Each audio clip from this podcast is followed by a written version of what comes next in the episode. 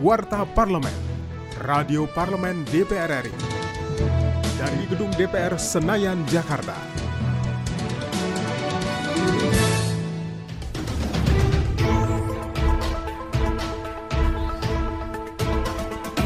DPR RI menerima kunjungan Duta Besar Prancis untuk Indonesia, Olivier Chambard, dalam rangka memperingati 70 tahun hubungan diplomatik antara kedua negara. Hal tersebut sampaikan oleh Wakil Ketua DPR RI, Sumi Dasko Ahmad, yang ditemui usai pertemuan dengan Kedutaan Besar Prancis di Gedung DPR RI, Senen, Jakarta. Ia mengatakan negara Prancis melihat peluang yang sangat bagus dan ingin mengembangkan investasi di Indonesia, dan pemerintah Prancis juga mendoakan agar pandemi di Indonesia segera berakhir.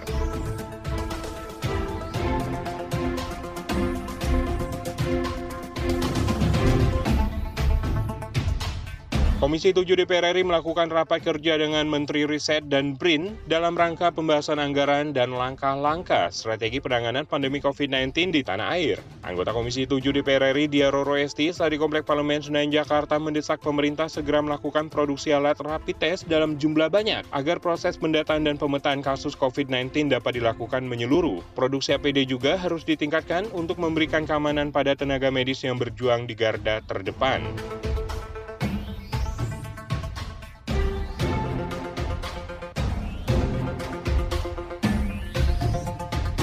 Wakil Ketua Komisi 11 DPR RI Eriko Sotarduga mengungkapkan apresiasinya terhadap kinerja kantor Bea Cukai yang berhasil menggagalkan upaya penyelundupan narkoba dan benih lobster. Saat Komplek Parlemen Senayan Jakarta beberapa waktu lalu, ia menilai kerjasama yang dilakukan Bea Cukai, Bares Krim Polri, dan Otoritas Bandara Soekarno-Hatta juga cukup baik. Dan ia juga menegaskan, Bea Cukai tidak boleh lengah, mengingat lalu lintas ekspor-impor berpengaruh terhadap penerima negara.